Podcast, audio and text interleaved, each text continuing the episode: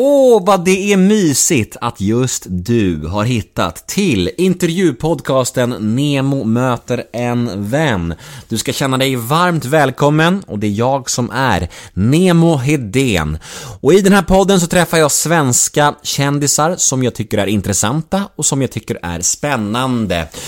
Varje vecka gör jag det här och avsnitten släpps varje måndag. Och idag är det avsnitt nummer 286 och jag har med mig artisten, låtskrivaren och producenten Jimmy Jansson. Och vad som är extra intressant med Jimmy är ju att han har haft två karriärer i offentligheten kan man säga. Dels så slog han ju igenom med dunder och brak i Fame Factory år 2003 och i samma veva så krönte han även stora framgångar i Melodifestivalen med hits som Vi kan gunga och Amanda. Och utanför Melodifestivalen hade han en stor, stor hit som hette Flickan från det blå. Och Jimmy blev på den tiden en av våra allra största och mest omtyckta artister, främst då bland den yngre generationen. Men sen så blev det tyst från Jimmy i några år och eh, ja, ni kanske undrar vad som hände då. Jag kan skvallra lite om vad som hände då. Dels så festar han en del med mig och det kommer vi prata om i den här podden, vilket gör det här extra kul eftersom att jag och Jimmy har en relation och en historik ihop. Men sen gjorde ju Jimmy comeback i offentligheten och nu som låtskrivare. Och förra året så var han ju den låtskrivare som hade allra flest bidrag i Melodifestivalen. Han slog till och med rekord.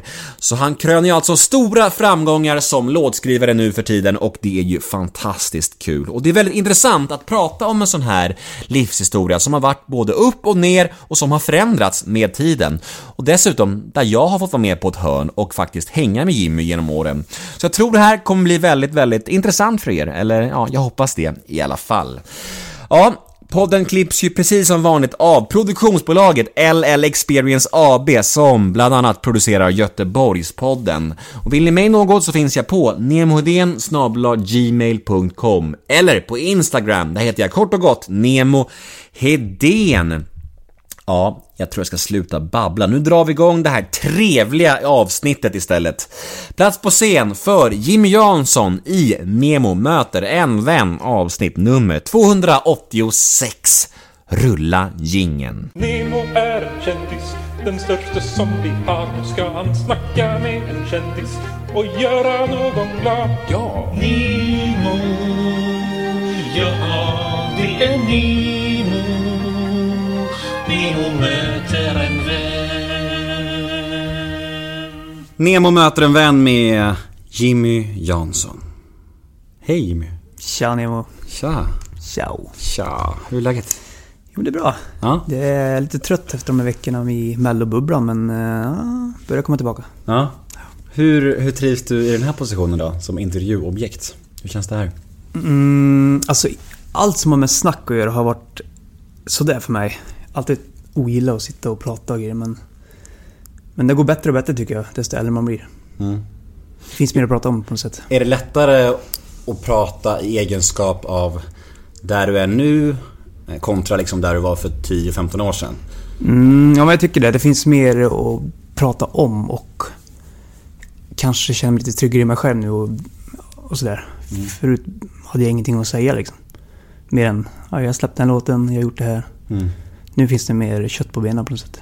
Fick man mycket coachning back in the days tänker jag, som du kom upp så pass ung och så här. Var det många som, som, som ja, men lärde dig hur du ska förhålla dig i media och så här, eller var det något sånt? Nej, ingenting sånt. Nej. Det var bara eh, alltså, scenspråk och hur man ska sjunga, men ingenting, ingen mediaträning alls. Det är ju knäppt alltså. Man fick ju lite grann tack vare Fame Factory så var det en massa synkar och grejer så man lärde sig lite där men jag var ju sämst i synk alltså. Mm.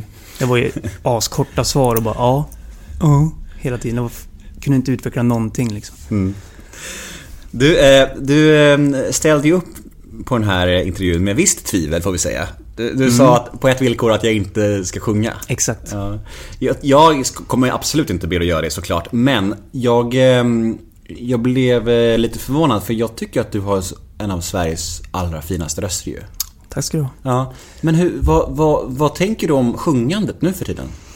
Ehm, nej men alltså jag, jag sjunger mer än någonsin. Jag sjunger in alla demos i princip jag Mm. gör. Nästan alla låtar ni har hört som jag har gjort så sjunger jag oftast hemma på.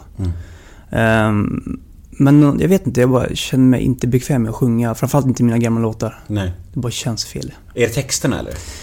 Ja, jag tror det framförallt. Och sen bara, det känns bara obekvämt Ja. av någon anledning. Ja. Svårt att ta på vad det är, men det... Om jag hade bett dig att sjunga demon på Hanna Färm-låten då? Aj, shit. Då, då får jag hämta upp i flera dagar innan. Ja, den är ganska hög va? Den är jäkligt hög. Ja.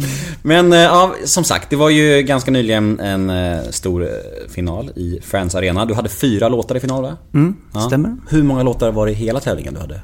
Sex. Något, något, någon form av rekord va? Mm, ja, det var väl det. Ja. Eh, procentuellt var det väl det. Eh, jag tror att Gesson har haft med sex förut. Ja. Men då var det 32 bidrag. ja. Nu var det 28 så att... Så man kan säga att du fick mest TV-tid av alla. Exakt. Artisterna, inklu- artisterna inkluderat. Ja. ja, det var helt galet i år alltså. Men, men, men hur funkar det där då? Alltså för att... Alltså... Hur många skickar du in? Jag vet inte, jag måste sätta mig och räkna, men jag tror det var runt 12 bidrag kanske? Och ha- har man något hum alls om vilka som kan komma med? Nej, man har ju alltid magkänsla och man gillar ju vissa låtar mer än andra och tänker det här måste ju komma med liksom. Och i år hade jag faktiskt väldigt bra feeling kring väldigt många låtar så att säga. Det känns som ett bra år. Fast det är ju, år efter år så får man ju aldrig med de där som man själv brinner för liksom. Det blir alltid de där som man, jaha, kom den med? Ja, okej. Så här. Men i år fick jag med de som jag själv ville ha med så att det var ju perfekt. Du, ehm, eh, när jag skrev till dig häromdagen och frågade om du ville vara med så sa du också att du inte tycker att eh, du har så roliga saker att prata om. Att, så rolig historia typ. Då sa jag till dig att jag tycker visst att du har en rolig historia eftersom att den är ju speciell på det sättet att du liksom var en stor och hyllad, eh, får man säga barnstjärna? Eller är det, är det kränkande? Ja men det var ju det jag blev liksom. Ja. Så det är inget konstigt. Och sen försvann några år kan man säga och nu tillbaka som liksom en väldigt stor och framgångsrik låtskrivare. Så det har varit lite upp och ner kan man säga. Så därför tycker jag att det är intressant. Ja, men det kanske är det. Det är kanske bara jag som tycker det är ointressant. Ja, nej men jag tycker det är intressant för annars hade du inte varit här. Nej. Eller varit här, vi är ju faktiskt i din studio här. Mm, exakt. Ja, och här var jag för fyra och ett halvt år sedan och eh, intervjuade Lisa Ajax. Ja. Du, eh, ska vi ändå ta lite från början då? Ja. Visst är du född 1985? Hagfors? Yes. Värmland? Ja. Ja. Smala Sussiland? Ja, det är väl Åmål det. Ja, nej, kanske nej, det. nej, eh, Smala Sussie, det är väl typ Molkom eller något sånt Jag vet inte, men jag tänker bara, när jag tänker på Värmland tänker jag på Smala Sussie. Ja, men det är nog mer Molkom, Karlstad. Ulf Malmros. Exakt. Ja, han är från Karlstad kanske? Eller Molkom tror jag. Ja, han kanske är det. Ja. Ja, jag tror det. Vad, ehm, vad väcker det för känsla i dig när jag säger Hagfors? Ja, Hagfors är ju liksom hemma för mig. Ja. Det kommer alltid vara det. Eh, Fast man har bott här nu i hur många år som helst så när man väl kommer till Hagfors så är det, det är mitt hem liksom. Vad var det för typ av eh, uppväxt du kommer ifrån? Vad, vad var det liksom... Vad föddes du in i för, för, för familj? Jag skulle nog säga att jag har haft världens bästa uppväxt. Jag skulle aldrig vilja byta ut den mot någonting annat. Eh, världens bästa föräldrar som alltid stötte mig hela vägen i allt jag gjort. Jag behövde inte ens gå färdigt skolan och bara, nej men kör. Om det är det du här vill så kör. Eh, jag har en yngre syrra som är tre år yngre. Och eh, är man stabilt och tryggt på alla sätt och vis liksom. Så Kan syrran sjunga? Nej, det kan hon inte alls. Kan päronen sjunga? Ja men farsan, det är ju tack, tack vare farsan som jag håller på tror jag. För han hade ju något sånt här coverband. Eh, så de körde lite med i garaget när, vi, när jag var liten liksom. Jag ser framför mig så här rockabillyband typ. Ja, men, ja eller med Creedence och Ah, vet, okej, gubbrock liksom. Ja. Har ni jammat ihop mycket? Mm, kanske när jag var yngre lite grann. Jag tror han försökte lära mig spela gitarr men jag var så arg på honom. Jag hade inget tålamod när det kom till farsan liksom. Men, men vad var det... Vad skulle du säga att du har ärvt av dina föräldrar? Du, farsan är musiken uppenbarligen. Mm. Är det något mer? Eh, ja, det är nog kanske att han är ju också arbetsnarkoman. Alltså han kan ju jobba i ja, dygnet runt alltså. Sitter ju alldeles still. Ehm, men samtidigt så har jag fått från morsans sida det här, hon kan också ligga, hon kan ligga i soffan och chilla en hel dag om hon vill. Eh, och jag har fått det också så att jag är lite blandning av de båda på något sätt. Det låter perfekt ändå att vara arbetsnarkoman när man är i jobbet men ändå kunna slappna av. För det är inte, vi alla kan ju inte det. Nej. Att plocka bort jobbet, det är ju det är ju det är ju en konst i sig också. Ja, men det tycker jag är duktig på. Alltså jag har lärt mig nu att jag jobbar när jag är här. Och eh, kommer hem då, jag har inte ens med datorn hem liksom. Jag kan svara på någon mail ibland om det är något sånt där men jag försöker bara vara hemma och vara där liksom. Du svarar på lite fanmail. Nej. det är inte så många längre. Nej, mycket förr. Ja, det var det. Ja. Jag kan tänka mig att det var säckvis när det var som värst. Ja, alltså under Fem Factory-tiden var det ju liksom svarta sopsäcken med nallebjörnar och det liksom. Så det var ju... Ja, vi kommer till det. Vi Ja, kommer vi kommer till dit, det. ja. Och det är ju rätt kul att prata om. Tycker i alla fall jag. Jag tycker sånt är intressant tycker jag. Ehm, Okej, men, men hur länge blev du kvar i Hagfors? Eh, lite telefon. Jag, jag flyttade från Hagfors när jag började ettan i gymnasiet. Flyttade till Karlstad och bodde där ett år. Sen så kom vi med i Melodifestivalen. Sen flyttade jag tillbaka till Karlstad och gick färdigt andra halvåret av första... Eh, eller eh, gymnasiet. Första året. Och sen så eh, blev det Factory. Då flyttade till Skara. Mm.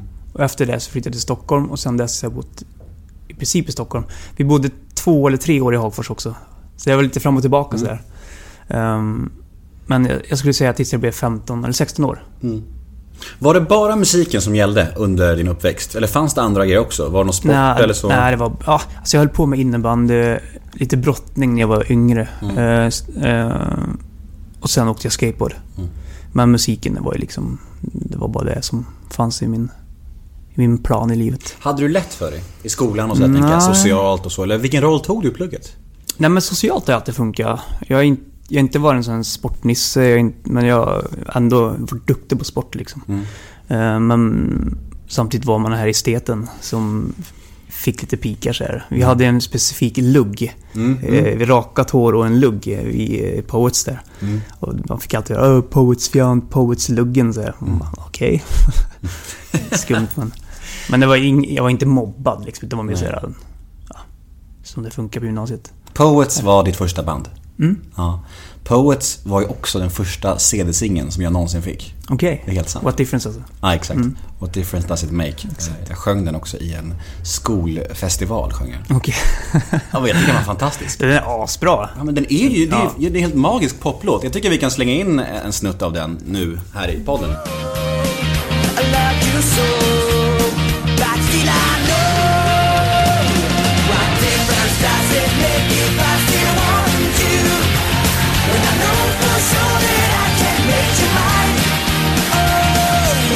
klockren poplåt, tycker jag. Ja, jag, jag kan än idag lyssna och bara shit vilken dänga det här alltså. Skrev ni den själva eller hur gick det till? Nej, det var Thomas Gesson som skrev den. Ja. Eh, Det var ju liksom startskottet på alltihopa. Vi gjorde sån här dansbandsforum med bandet, där vi fick visa upp oss. Och det var en tjej som hette Jeanette Jensen från Warner Chappell. Head over to Hulu this March, where our new shows and movies will keep you streaming all month long. Catch the acclaimed movie All of Us Strangers, starring Paul Mescal and Andrew Scott. Stream the new Hulu original limited series We Were the Lucky Ones with Joey King and Logan Lerman. And don't forget about Grey's Anatomy. Every Grey's episode ever is now streaming on Hulu. So, what are you waiting for? Go stream something new on Hulu. som var där. Och ehm, hon hade fått den här låten skickad till sig. Det är G som sökte en artist till den låten. Och då eh, tänkte hon på oss och så ja, ringde hon och frågade om jag kunde komma och testa att lägga sång på den. Ehm, jag kunde inte sjunga, alltså det lät ju egentligen för jävligt men han tyckte väl att det fanns någonting charmigt i det, att vi var så små och ja, lite o... Men kunde du verkligen inte sjunga? Eller? Nej men alltså, grejen var jag, jag skulle inte bli sångare, jag skulle vara gitarrist egentligen från början. Mm. Men när vi startade, startade bandet så var det väl ingen riktigt som kunde sjunga. Eller ville sjunga sådär. Hur gammal var du då? Eh, sjuan. Vad, vad är man då? Små pojkar alltså. Ja, eh, 14 va? Ja, något sånt där. Eh, så, 13 till och med kanske? ja, ja. så då liksom fick jag ta tag i det. Och sen så mm, blev det så att jag blev, blev sångare liksom. Jag tror inte att, eh, eller det är klart det finns några lyssnare som vet vad Fame Factory är. Eh, Man kan, vad ska man säga? att Fame Factory var som dåtidens idol, kan man säga det? Ja, mötte typ Big Brother nästan. För det var, vi var ju, det var en dokusåpa som... Där vi följdes från måndag till söndag i princip. Vilka, vilka i nutidens eh, musikaliska klimat eh, kom fram i Fame Factory? Eh, ja, ja, Linda Bengtzing är väl Ja, just därifrån. det. Eh, vilka är... Håller på fortfarande? Det är väl... Några är det väl? Ja, Mart, Karl Martindal håller väl på lite grann. Ja. Och det var Bert Karlssons eh, program, eller? Exakt. Jessica Andersson är Just därifrån just det. Mm, mm. Jo men det stämmer. Det var Bert som startade där. Ja. Hur kände de övriga Poets-grabbarna då när du liksom var med i det programmet och lämnade dem? Ja, men jag tror det var lugnt. Alltså vi, vi gick i skolan och sådär och vi hade kört ett race eh, efter Melodifestivalen med Poets. Och sen gick vi tillbaka till skolan. För att vi behövde gå klart skolan såklart. Och då eh, fick jag det erbjudandet och erbjudandet att söka till Fame Factory. Så jag bara, nej men jag kör. Så de, det var fine tror jag. Hur många år var det mellan eh, Poets eh, What Difference Does It Make i Mello och eh, Vi kan gunga i Mello? Eh, What Difference var 2002, Gunga var 2005. Ja. Så det är tre år där. Mm. Tills det verkligen small kan man Ja. säga. Ja. Och, och de åren, vad gjorde du då? Emellan där? Ja. ja det var ju Fame Factory. Ja. Och det höll på så länge? Nej, alltså ett, ett halvår gick jag ju liksom skolan. Klart Mm. första eh, ring liksom. Lärde du mycket i Fame Factory som du kan använda än, använda än idag? Eller var det mest eh, liksom kalanka? Nej, men jag tyckte det var en bra skola. Det var ju inte bara ett tv-program. Man fick ju lära sig liksom sångteknik och lite studier. Det var där studieintresset började också, för det fanns ju små studior som man fick sitta. Mm. Och jag minns ju att jag helst ville sitta i de där båsen och... Redan då? Ja, för Ja. Det, och så, jag minns när de kom in, nu ska vi göra någon synk eller något möte liksom. Då vart jag liksom irriterad. Man, låt mig få sitta här en Mm. stund. Så att, eh, ja men det var en... Ändå en bra skola tycker jag. Hur långt kom du? För visst var det en vinnare också varje år? Mm, jag blev fyra. Ja. Men vi var ju så sjukt mycket. Vi var 28 pers tror jag. Mm. Så det höll på, höll på i över ett halvår. Du, eh, om vi ska hoppa lite till, till då Vi kan gunga och det här jävla enorma genomslaget som det faktiskt blev. Det blev ju... eh, Men jävlar alltså. Det måste varit eh, omtumlande för dig. För hur gammal var du då? 20 va? Mm. Hur, hur, eh, minns du hur du tog det? Alltså det genomslaget och att bli liksom så A-kändis över en natt i princip. Hur, hur, hur var det för dig? Nej men det var ganska lugnt för att jag vart ju lite känd via Melodifestivalen redan när jag var 16. Mm. Ehm, Den grejen kanske var mer omtumlande. Ja, då var det mer så svart på vitt att oj gud, för då var vi inte beredda på att man, folk skulle känna igen en. Vi hade inte ens tänkt tanken att nu kommer folk känna igen oss. Det var ju verkligen över en natt. Så, ja, och sen så mm, vart det en paus i det, kom till Fame Factory och vart ju känd, ännu mer känd via tv-programmet liksom. Ehm, så att det liksom har sakta men säkert blivit mer och mer på något sätt hela tiden. Så man, det kom aldrig som någon chock sådär. Det, Men, men om vi ska återkoppla till det där som vi var inne på förut, det här med de svarta sopsäckarna med fanmail. Fanbrev hette det på den tiden. Vad svarar man på dem? Uh, gud, jag minns inte riktigt. Jag tror inte att det fanns någon chans att hinna med. Alltså. Det var, alltså, jag, framförallt efter jag gjorde Flickan från det blå, minns jag. Då, det var då det small rejält, tycker jag. För då... Jag fick så otroligt mycket brev. Alltså. Det var säkert i den här påsen 50-60 brev. 50 nallar liksom. Många tjejer runt om i landet var, Ja, kära, var var kära Jimmy Jansson. då. Sjukt alltså. Ja. Skrev du den låten själv? Mm. Ja, fint. Ja, det var väl den första jag gjorde helt själv, tror jag. Mm. Fin låt. Tack. Ja. Tycker du om den? Absolut, det är en av mina favoriter, jag. Så det finns ändå vissa låtar från den tiden som, som du kan känna stolthet över och inte bara cringe-känsla. Mm. Ja, men den låten tycker jag inte heller är så här. Visst, den, den är inte lika barnslig på något sätt. Som Gunga är ju väldigt kitsig och sådär Mm. check liksom. Mm. Flickan från blå är mer en fin svensk ballad liksom. Mm. Med lite yngre text kanske då, men, men jag var ju ganska ung så att... Mm. Ja men så är det verkligen. Om man kollar liksom tracklisten eller från plattorna på den tiden så är det vissa låtar som är alltså utstuderat barntitlar typ. Medan vissa är liksom ja, mer klassiska kärlekslåtar liksom. Exakt. Eh, Så jag fattar att det, att det skapar en viss ambivalens hos dig. Liksom. Mm, jo men så är det. Ja. Så Men du spelar dem aldrig? Nej. Nej. Vad, vad ska krävas för att du ska spela Flickan från det blå? Jag vet inte riktigt. Skulle du gjort det för 50 lax? Ja, det skulle jag säkert göra. Alltså det är inte så, men eh, jag får ju än idag förfrågningar av olika slager. Mm. Uh, Typ, vad, typ vadå? Ja, man vill komma hit och gigga på ett slagerkväll här Mm. och sådär. Eh, Men jag tackar nej till allt, för jag, det är inte jag idag liksom. Nej, jag fattar det. Eh, Men okej, då är vi alltså 2005. Vi kan gunga har, har slagit igenom och, eh, och, du, och, och vad händer med ditt, ditt liv då efter det? Du turnerar, du kör på. Flyttade till Stockholm. ehm, och ja, men kör he- hela artisteriet liksom. Trivs du med livet? Ja, då gjorde jag det. Ja. Det gick ju väldigt bra då liksom. Så att, eh, och sen flyttade vi till Hagfors där också. Tillbaka. Mm. Uh, skaffade hus där och sådär. Och byggde min studio. Mm. Vi har alltid varit beroende av alla andra, men då kände jag men nu vill jag kunna spela in mina idéer och visa vad jag har i huvudet liksom. Eh, så det höll jag på med. Mm. Tills 2007 då, när jag, vi skrev Amanda liksom. Du är också från dig personligen eller? Uh, grejen är, Amanda skrev jag en i, på Fame Factory, men då som en dansbandslåt. Mm. Till en liten tjej som heter Amanda. Hon var två år. Lotta Furubäck som också är med och jobbar med Melodifestivalen. Hennes dotter var bara två år. Mhm. Så då sa jag jag ska skriva en låt till henne. Mm. Men då var det dansband liksom. Ah, Amanda. Mm, budu, budu, ah. Sen gjorde vi om den till eh, så som den låter idag då. Ehm, och sen skickade G som skickade in den faktiskt utan att jag visste om det. Så kom den med och bara va?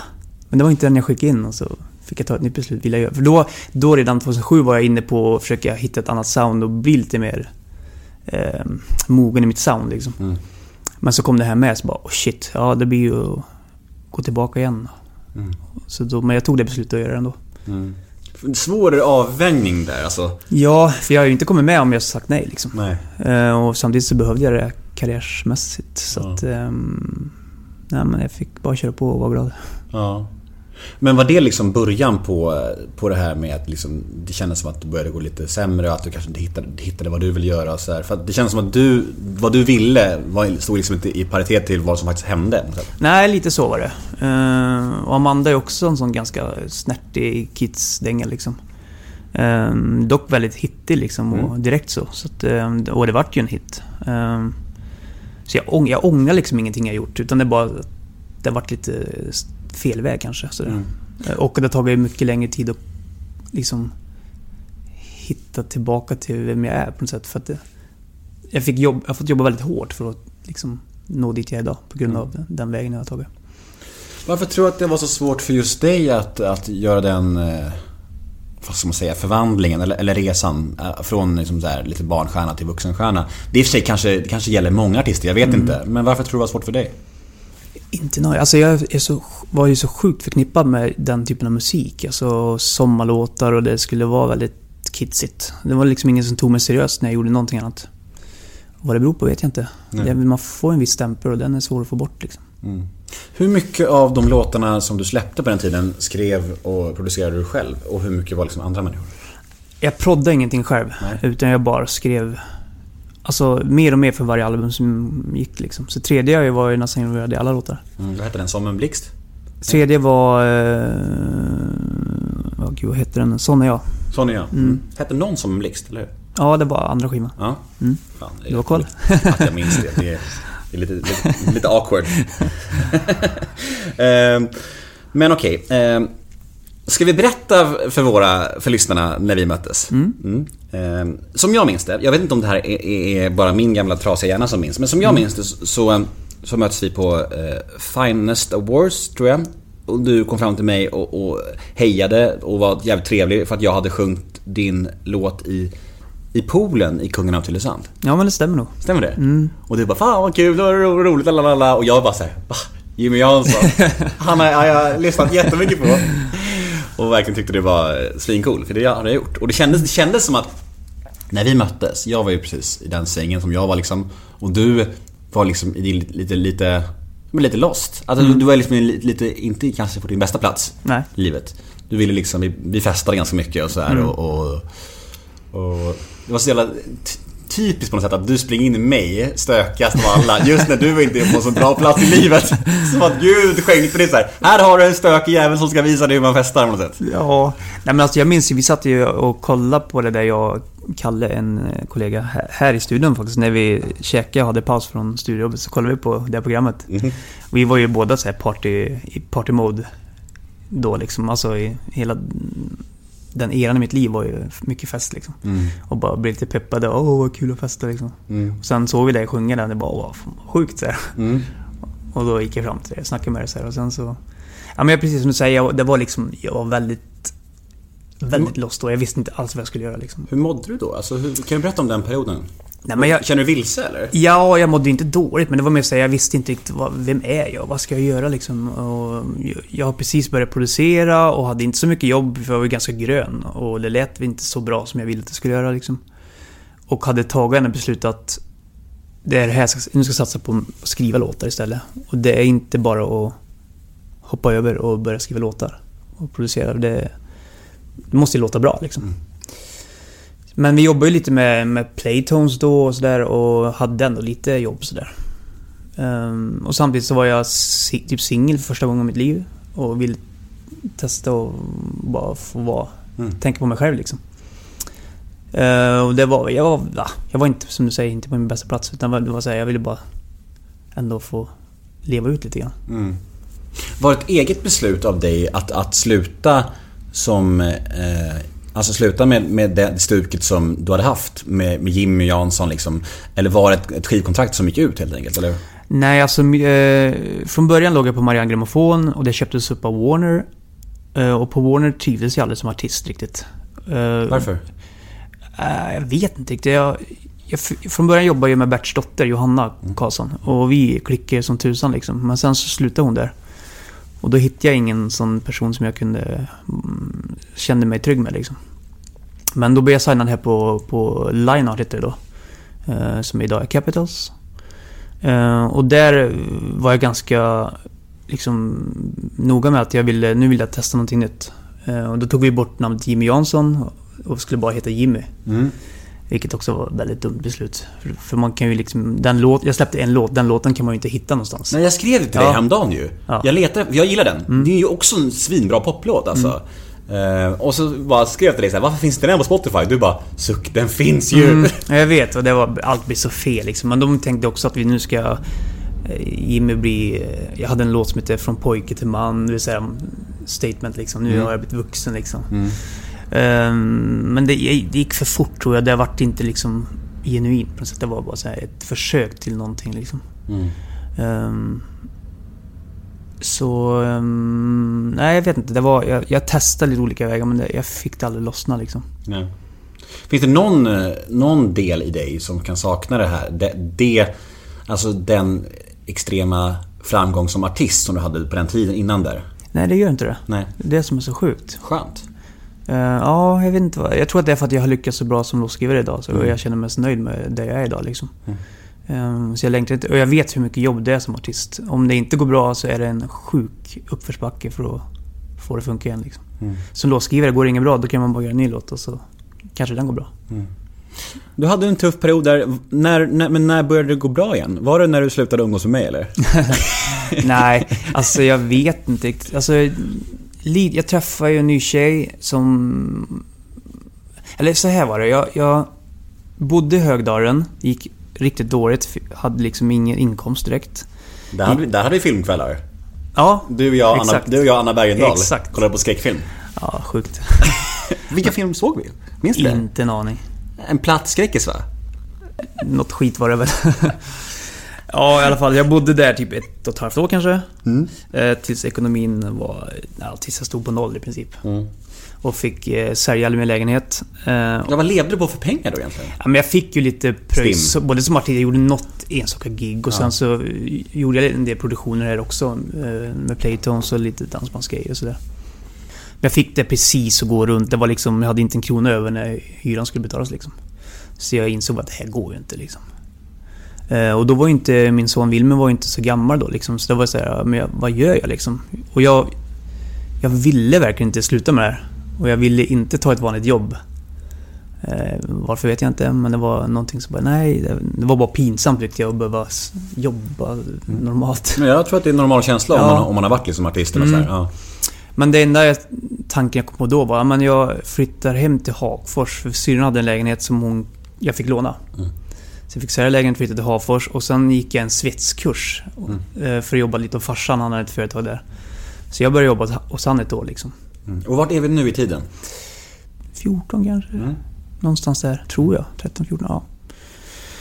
Ehm, jag minns känslan i alla fall när, vi, när jag packade ihop lägenheten. Så skulle jag...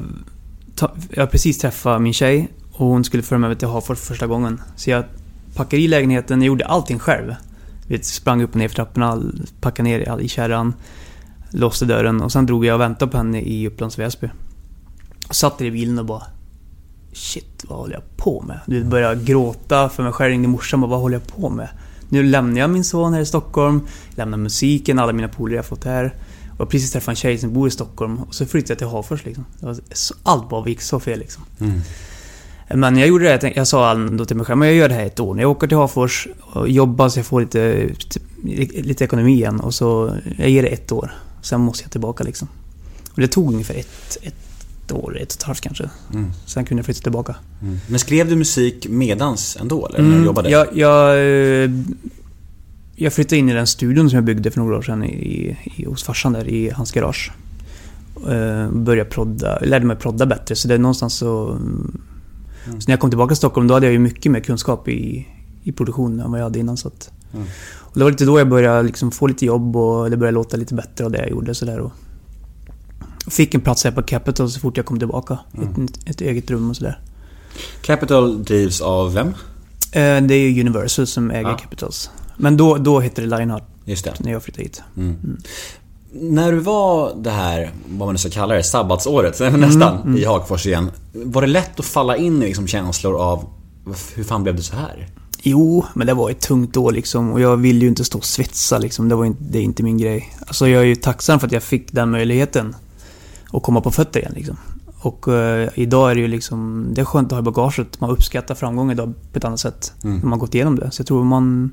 Man stärks av motgångar liksom. Mm. Ehm, så jag brukar tänka tillbaka på det när det, när det går dåligt.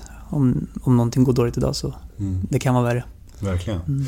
Vad, eh, jag måste fråga det för, för, så jag inte glömmer det. Din son eh, har ju blivit tonåring nu. Mm. Precis. Vad, vad, vad tycker han om, om det du gör? Mm, ja, men jag tror han är stolt. Alltså, han, han går ju Adolf Fredriks musikklasser och Mm. sjunger och, håller också på att prodda lite grann. Och, Sjunger han bra? Ja, men det tycker jag. Mm. Han, det, det tar sig. Eh, jag har inte varit en sån farsa som trycker på. Utan han får göra sin grej och... Nu spelar han gitarr. La ut ett filmklipp när han spelade gitarr och sjöng en Justin Bieber-låt. Hur bra som helst. Mm. Och jag visste inte ens om att han kunde spela gura typ. Mhm.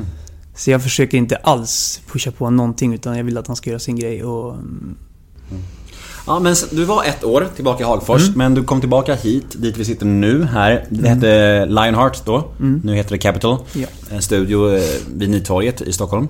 Eh, vad händer då? då? Eh, När, hur lång tid tar det innan du får snurr på grejerna? Eller, eller är det nu... Alltså i mina ögon så har det ju gått lite successivt. Det känns som att nu har det verkligen pikat i låtskriveriet. Men hur lång tid tog det från du återvände till Stockholm innan du verkligen fick snurr på grejerna igen? Ja, men det tog ett tag. Vi bodde, när jag flyttade tillbaka så bodde vi hos min tjejs farsa i hans hus ett år liksom. Mm. Innan, jag fick, innan vi hade råd att köpa en lägenhet. Ehm, och sen så var det liksom låt...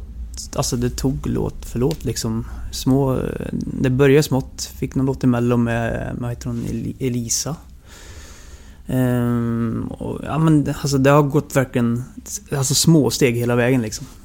Jag har inte fått någon sån dunderhit som gjorde att det var... Den största är ju Everyday. Det var då det verkligen började hända liksom, tycker Mm. Förra året med Mendes. jag. Två år sedan. Två år sedan. Mm. Då kan jag nog tycka att man ändå fick ett namn som Mm. folk ser upp till på något sätt inom Mm. låtskriveriet. Mm.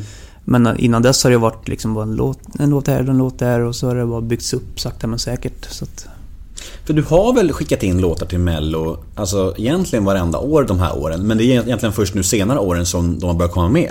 Är det inte, är det inte så eller? Ja, eller börjat gå bra. Ja. Jag har haft med mycket låtar men det är ingen som har funkat liksom. Nej. Och vad det beror på vet jag inte. Nej. Intressant det där alltså. Ja, och jag tror det har också med... Alltså går det bra så får man möjlighet att jobba med rätt artister och sådär Mm. grejer. Det får man inte från början. Då får man resterna. Ja, Bot- Bottenskåpet. ja det, det är inte, så kan man inte säga. Nej, kan man inte säga. Men artister som jag själv tror att jag kan göra bra jobb till Ja, liksom. jag förstår.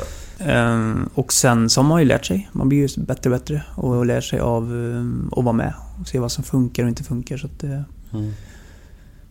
Ja, det har varit en lång resa men Mm. En kul resa. Nu sitter du här och är framgångsrik och lycklig. Och lycklig. Ja, just nu ja, men det kan vända fort i den här branschen. Ja. ja, men ska vi snacka lite om årets eh, Melodifestival då? Mm. För att eh, som sagt, du hade fyra, fyra låtar i finalen, du hade sex låtar i hela Mello. Mm. Något, någon sorts rekord är det ju. Och det är ju fantastiskt och, och grattis till det, Ja, får man säga först. Eh, och sen undrar jag lite hur man tänker kring att skriva låtar till andra och hur det funkar. Som i år till exempel. Alltså, var alla bidragen du skrev specialskrivna till just den artisten? Eller var det låtar som du skrev som bara hamnade hos någon? Och hur bestäms allt det där? Berätta allt. Mm, alltså det är extremt olika från artist till artist. Um, vissa, några låtarna skrevs ju på camps. Uh, eh, jag gjorde som Bengtssons låt, Robin Bengtsson gjorde jag i Palma på ett camp. Då sjöng jag demon. Första tanken var att ha en tjej på det. Men, eh, och vi testade faktiskt den låten med Hanna Färm. Men det funkar inte liksom. Det var inte hennes typ av låt. Eh, och sen fick vi bara som förslag, kan vi inte prova Robin? Och så tyckte vi att han gjorde det bra liksom. Så den var ju inte tänkt han från början. Men så funkar det. Och sen vissa låtar som eh, Mohombi, den var ju specialskriven i princip. Han kom in och... Alltså det är, så, det är så olika liksom. Det finns inga regler eller ett sätt att göra på. Utan man gör låtar med artisten ibland. Ibland skriver man bara ut efter att man har vibe liksom. Jag gissar att Vamos Amigos var specialskriven. Den var specialskriven. Ja. Det var inte Robin Bengtsson först. Nej, det var inte. Det hade- varit något. Mm, nej men Mendes det är ju liksom... Vi hittade hans sound också tycker jag. Så att, eh, och vi gjorde ju även every, Everyday där. Så att vi ville göra samma typ av energi. Men du kan väl inte spanska? Nej? Nej.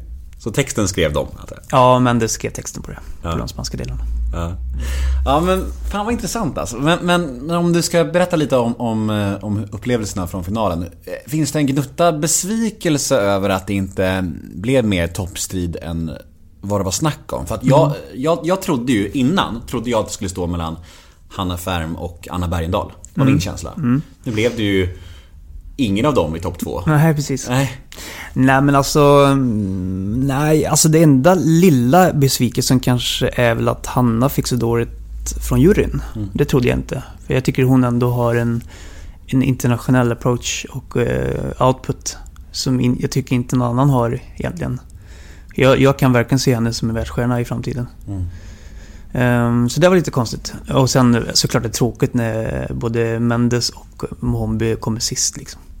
Men ah, vi kom till final och låtarna spelas på radio. Någonstans så skriver jag inte låtar för att vinna. Utan jag är med för att få hits. Radiohits och Spotify-hits. Och alla sex rullar på jättebra. Så att ehm, jag har redan vunnit det jag kan på något sätt. Och hur ser det ut framöver nu? Har du några bestämda artister som du ska prodda nu? Eller, och, och kommer det extra mycket... Alltså blir det som en catch-up-effekt av en sån här grej? Att du, att, du, att du syns så mycket mello? Märks det för dig? Att du får mycket mer jobb? Ja, både och. Nu har jag börjat få lite mail även från övriga Europa liksom. Mm. Fick ett mail igår från en artist och ett skivbolag. Ehm, så nu kanske man får lite andra uppdrag liksom.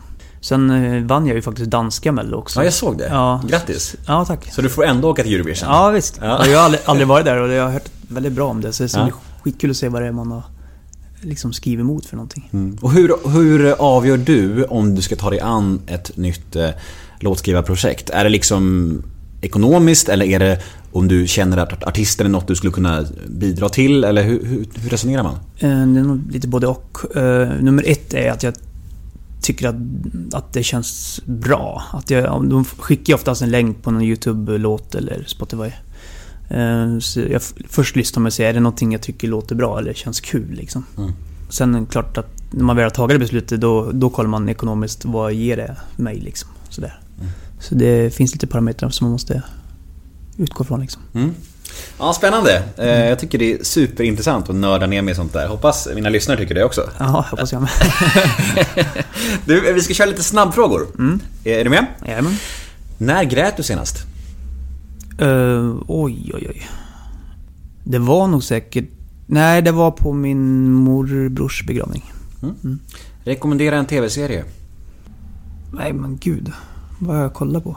Alltså jag kollar ju på så här konstiga grejer. Jag kan sitta och kolla på Farmen och sådana där grejer, vet du. Uh, Gift i första ögonkastet, sånt, så, sånt kan jag kolla på. Det är ändå samklang med lite att du kommer från en liten håla så här. Ja, nej men jag tycker... Jag så här, slö-TV gillar jag. Ja, Så det käka får du gärna rekommendera. Käka mat och bara kolla på sånt dumt liksom. Det låter underbart. Mm, Det får du gärna säga. Ja. Paradrätt. Köttfärs och spagetti. Vad missbrukar du? Snus. Ångesttrigger. Mm, när jag ser att det börjar sina på mitt företagskonto. I feel you. Eh, vad kommer du aldrig förstå dig på att andra människor tycker om?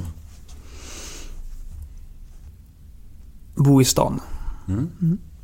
Var bor du nu förresten? Vallentuna. Ja, det är ju en bit.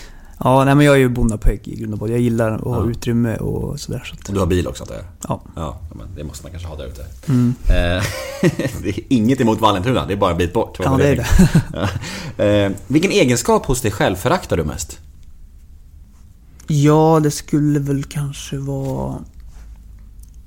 Alltså det är lite till och från. Ibland kan jag väl känna att musiken är ju... Det är ju en del, alltså det är så mycket jag som det kan bli. Ska man ta bort den så, så skulle inte, alltså det skulle, jag skulle inte finnas kvar. Nej. Det är så en stor del av mig så att den tar så sjukt mycket plats ibland. Mm. Så jag får göra uppoffringar ibland. Och lägga mycket åt sidan på grund av att musiken tar så stor plats. Så ibland önskar jag att jag var... Ja, kanske att det ibland skulle kunna lägga det åt sidan lite grann, men det går inte. Jag fattar. Eh, vad lägger du mest pengar på? Eh, Det är nog pluggar och grejer till, till eh, Logic, till musikprogrammet. Alltså, alltså, alltså plugins. Ja. Eh, typ pianon och Okej, ja. ja, sånt som får det låta. Ja, ja. På tal om nörderier. Ja. Eh, vad tror du andra tänker på när de tänker på dig? Och då menar jag både som offentlig person och dina privata kompisar. Jag tror att de, jo, jag tror att de flesta tänker att jag är fortfarande är 12 år liksom. Mm. Jag får alltid höra att jag fortfarande ser så ung ut liksom. Det kom faktiskt en lyssnarfråga om det just Ja. sen. Så det är Är du trött på att höra det? Ja, Ja. Då ber jag om ursäkt på förhand för den frågan. det är ingen fara. Nej. Och vad tror du dina kompisar tänker om dig? Nej, men jag hoppas att de tycker att jag fortfarande har fötterna på jorden och är ödmjuk. Mm. Det vill jag att de ska tycka. Vad oroar du dig för mest? Att jag inte ska få hålla på med musiken. Att det ska gå dåligt en dag igen och att jag sitter i samma sitt som jag gjorde för några år sedan. Att du är på väg hem till Hagfors Exakt. för att eh, ta på svetsargrejerna igen? Ja, det vore ju katastrof. Eller att du ringer mig för att bli, festa lite. Fest, festa lite. Nemo, det är dags igen. Det är period nummer Ja, två. ja. Och jag bara, det är dags för återfall. Vi syns på Lion Bar Jimmy. ja, den är inte så pigg kanske. Ja. Låt oss hoppas det inte sker. Eh, Vad har du orimligt gott självförtroende inom? Ja, men det skulle kanske vara att jag... Alltså mitt melodispråk, att jag tänker att jag gör så rätt. Ja, men lite grann ibland. Och så vet, men jag vet ju att jag har fel ibland om man sitter i sessions och jag tycker själv att ja, men det är så här det ska låta. Och så Mm. kanske någon inte tycker så. Då kan man bli lite såhär, "Men vad tusan, hör du inte det jag hör liksom? Mm. Men sen om man går deras väg så märker man att ja, men det blir bra. Så Mm. ibland har man fel. Men jag känns där och då som att jag är den enda som har rätt liksom. Är du jobbig eller lätt att jobba med tror du? Nej, jag tror jag är ganska enkel. Jag försöker vara väldigt... Eh, lyssna ändå och mm, dela så gott det går liksom. Mm. Men om jag verkligen, verkligen tror på någonting, någon idé så är jag nog ganska svår att övertyga ibland. Sista snabbfrågan. Legalisera Mariana, ja eller nej? Nej. Nej. Bra. Och då har vi faktiskt avslutningsvis eh, några lyssnarmail som jag har fått in på eh, Instagram. Hur kan du se likadan ut nu som för 15 år sedan? Åldras du inte som oss andra? Du måste ta sjukt bra hand om dig. Ja, alltså jag har inget bra svar på det. Nej.